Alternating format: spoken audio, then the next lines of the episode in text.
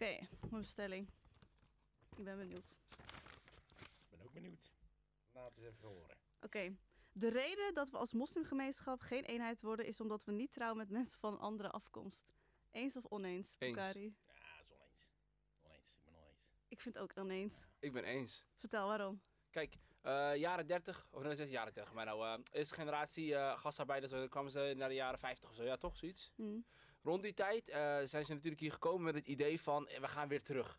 Waarschijnlijk. Toch is het anders gegaan, mensen zijn gebleven, alhamdulillah. Eh, daar zijn eh, velen van ons vandaan gekomen. Ik kwam dan wel later, want ik ben wel eerste generation. Maar ehm, als toen de moslimgemeenschap niet zozeer in een etnische bubbels was blijven hangen, dan had je veel meer een kruisbestuiving gehad en veel meer een Nederlandse islamitische identiteit. Met misschien nog wel gewoon cultuurbehoud. Je zegt dat je cultuur moet wegvagen. Dat, eh, dat, dat Somaliërs geen Somaliërs meer mogen zijn. Of Marokkanen geen Marokkanen. Of Turken geen Turken. Maar je had veel meer kruisbestuiving gehad. Dus ook veel meer raakvlakken.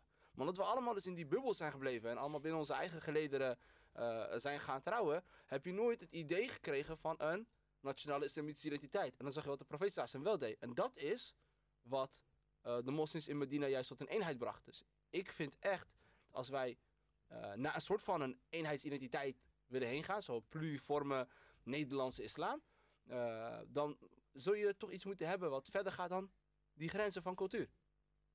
Maar je wilt naar, je wilt naar een islam die verder gaat dan de grenzen van cultuur. Ja. Maar je hebt het wel over een Nederlandse pluriforme islam. Ja, in de zin van omdat we, nee, maar omdat we lokaal gevestigd zijn. Dus, dus zolang je in Nederland woont, dan hoor je dus bij de pluriforme Nederlandse islamitische identiteit. Waar zijn moslims wel een eenheid dan? Ehm, nou, je ziet eigenlijk, en dat is wel grappig dat je dat zegt. Ik zeg met eenheid niet dat je het over alles eens bent. Hè? Dat is niet wat ik I bedoel know. met eenheid. Dus je, je vraagstelling, als je daar naar wil kijken, moet je kijken naar de geschiedenis. Maar waar zijn moslims een eenheid dan? Vandaag de dag op de wereld eh, zijn we op sommige vlakken echt een eenheid. En op de rest niet. Dus in Ramadan zijn we een eenheid, vasten we allemaal. Eh Tarawih zijn we allemaal een eenheid. Dat soort zaken. Maar eh, op heel veel andere vlakken niet. Maar waar in landen, eh, bijvoorbeeld als we het dan hebben over Turkije en Marokko, hè? Mensen in Turkije, Turkse mensen die trouwen met Turkse mensen, zijn die daar een eenheid omdat ze nee, maar kijk, dezelfde identiteit Dat- dragen? dat- goed Volgens dat je zegt. Nee, dat klopt. Maar je, je kan eh, Marokko, Somalië, Turkije niet vergelijken met onze situatie hier in Nederland. Want eh, wij hebben hier op een andere manier, moeten we kijken naar religie. Want we moeten de hele tijd uitleggen aan anderen waarom wij zijn wie we zijn. Dus wij hechten ook op een hele andere manier waarde aan islam dan de moslims in Turkije, Somalië. Ze hebben een andere insteek. Voor hen is hun religie heel erg verwoven met hun cultuur. Maar ook daar zijn ze geen eenheid. Dus dan heeft wellicht die culturele identiteit daar niet heel veel... I mean, ook- Hij heeft, het heeft er vast wel iets van. eh ik ga je een voorbeeld geven. vast wel Ik, ik ga je een maar... concreet voorbeeld geven. Eh, Zo, Bukari. Bukari, wat zeg jij? Back me up hier. Eh, ik was het niet eens met die stelling, want Vertel. als, als zoveel mensen trouwen met eh, mensen van, andere, eh, van een andere etniciteit, van Mhm. een andere eh, nationaliteit. Mensen trouwen in de regel met mensen die dezelfde mening hebben, dezelfde opleiding hebben. Dus wat krijg je dan? Zelfs als alle moslims morgen eh, onderling zouden, eh, genen zouden uitwisselen met elkaar. hè, En we zouden geen Turkse, Marokkaanse of, eh, of Somalische moslims hebben. Dan nog krijg je groepjes, want mensen trouwen met degene waarmee ze het eens zijn. Of het zijn geloof, opleiding, et cetera, et cetera. Dus krijg je weer andere groepjes die tegen elkaar Andere zijn. bubbels. Andere bubbels, ja. Ja, de Nee, bubbels mee van de eens. Dat is maar- de realiteit. Nee, maar mee eens. Kijk. Eén. Terugkomend op jou. Wil je het gesprek soms kapen, man? Nee, maar kijk. Terugkomend op, terugkomend op jouw vraag van eenheid. Als je kijkt naar Turkije. Merk je daar discussies over wanneer Ramadan begint? Eh, Zie je daar weer hele gevechten komen over of het suikerfeest is? Vaders en zonen die tegen elkaar ja, schreeuwen in huis? in Turkije niet, maar dan Nee. zijn toch alsnog moslims niet Hoe één? komt dat dan? Zonder staat Ja, dat omdat we- ze- Nee, dat komt omdat ze dus een... Nee, maar dat, komt, op. dat komt omdat ze een wetschool volgen met dat land. Oké? Ja, maar en omdat het... Ja, staat mee eens. Dat is, dat is de volgende laag. In Marokko heb je ook niemand ruzie eens. gemaakt over eh, de Ramadan vandaag of morgen. De staat bepaalt dat klaar. Iedereen maar Dat zijn begrijp moslims ik, een maar de eenheid in staat- Marokko? Volgens mij niet, toch? Ja, maar de staat, Nee. gebruikt, de staat gebruikt daarvoor een wetschool. Ja. En die, die wordt dus via de staat bewaakt, dat hij in de moskee terechtkomt. En zo komt hij bij de gemiddelde Ahmed en Fatima terecht. Dus er moet één rechtsschool komen in Nederland, zeg nee, je maar dat? wij in Nederland Mensen een mogen rechtschool niet eens meer kiezen, joh. Wij, Nee, daar hebben we vier Wat is eh, dit voor extreem... eh, Als Echt. vijf, als je ook de, ook echt zo als, eh, met Kijk, een merrie. ja.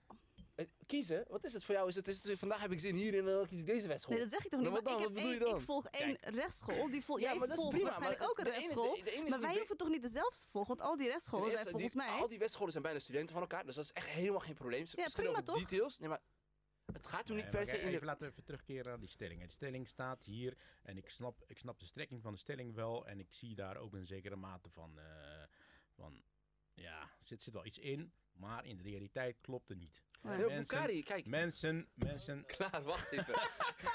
volgens mij ben je nou lang genoeg aan het woord geweest, Nee, kijk eens eventjes. 30 seconds. Ga, ga maar kijken, 30 seconds. Het probleem zit hem niet in dat er eh, niet waarheid zit in jullie beeld. Want wat jullie zeggen neem ik ook echt mee, dat, dat snap ik, dat zie ik. Eh, de reden waarom ik toch eens ben met deze stelling is omdat ik kijk naar hoe de profeet zijn met hem heeft moeten organiseren. Hoe hij niet alleen een staat heeft moeten bouwen, maar hoe hij ook cohesie heeft moeten bouwen daarin. Met ruimte genoeg voor mensen hun eigen identiteit, hun eigen culturele ideeën.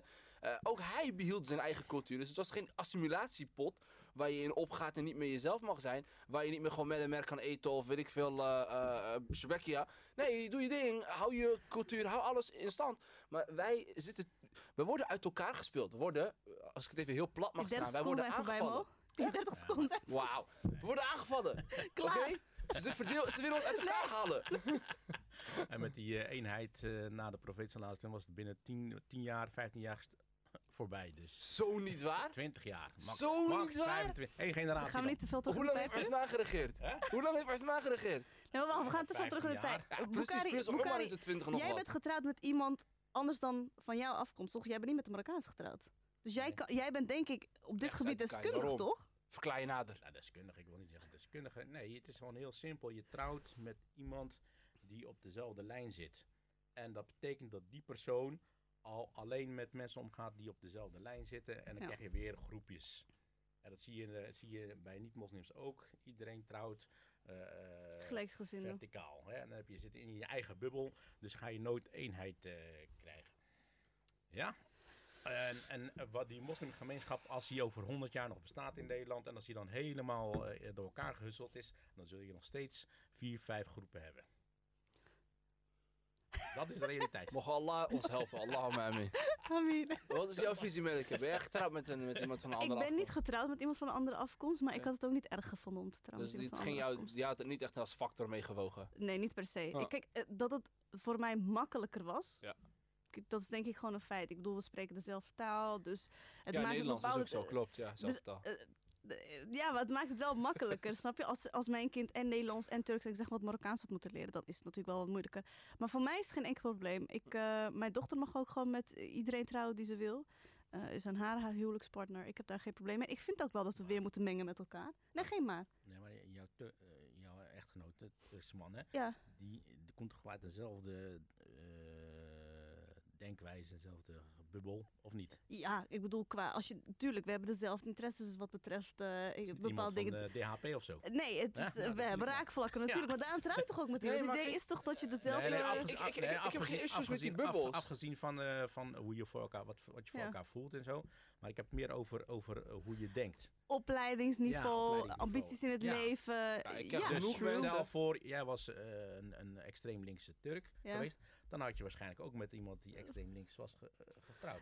Ja, kijk, het, het is mogelijk, maar eh, nogmaals, eh, eh, je I ziet rest my genoeg... case. Nee, helemaal niet. Doe niet alsof je in één keer bewijsvoering hebt neergelegd en onomstotelijk bewijs hebt of zo.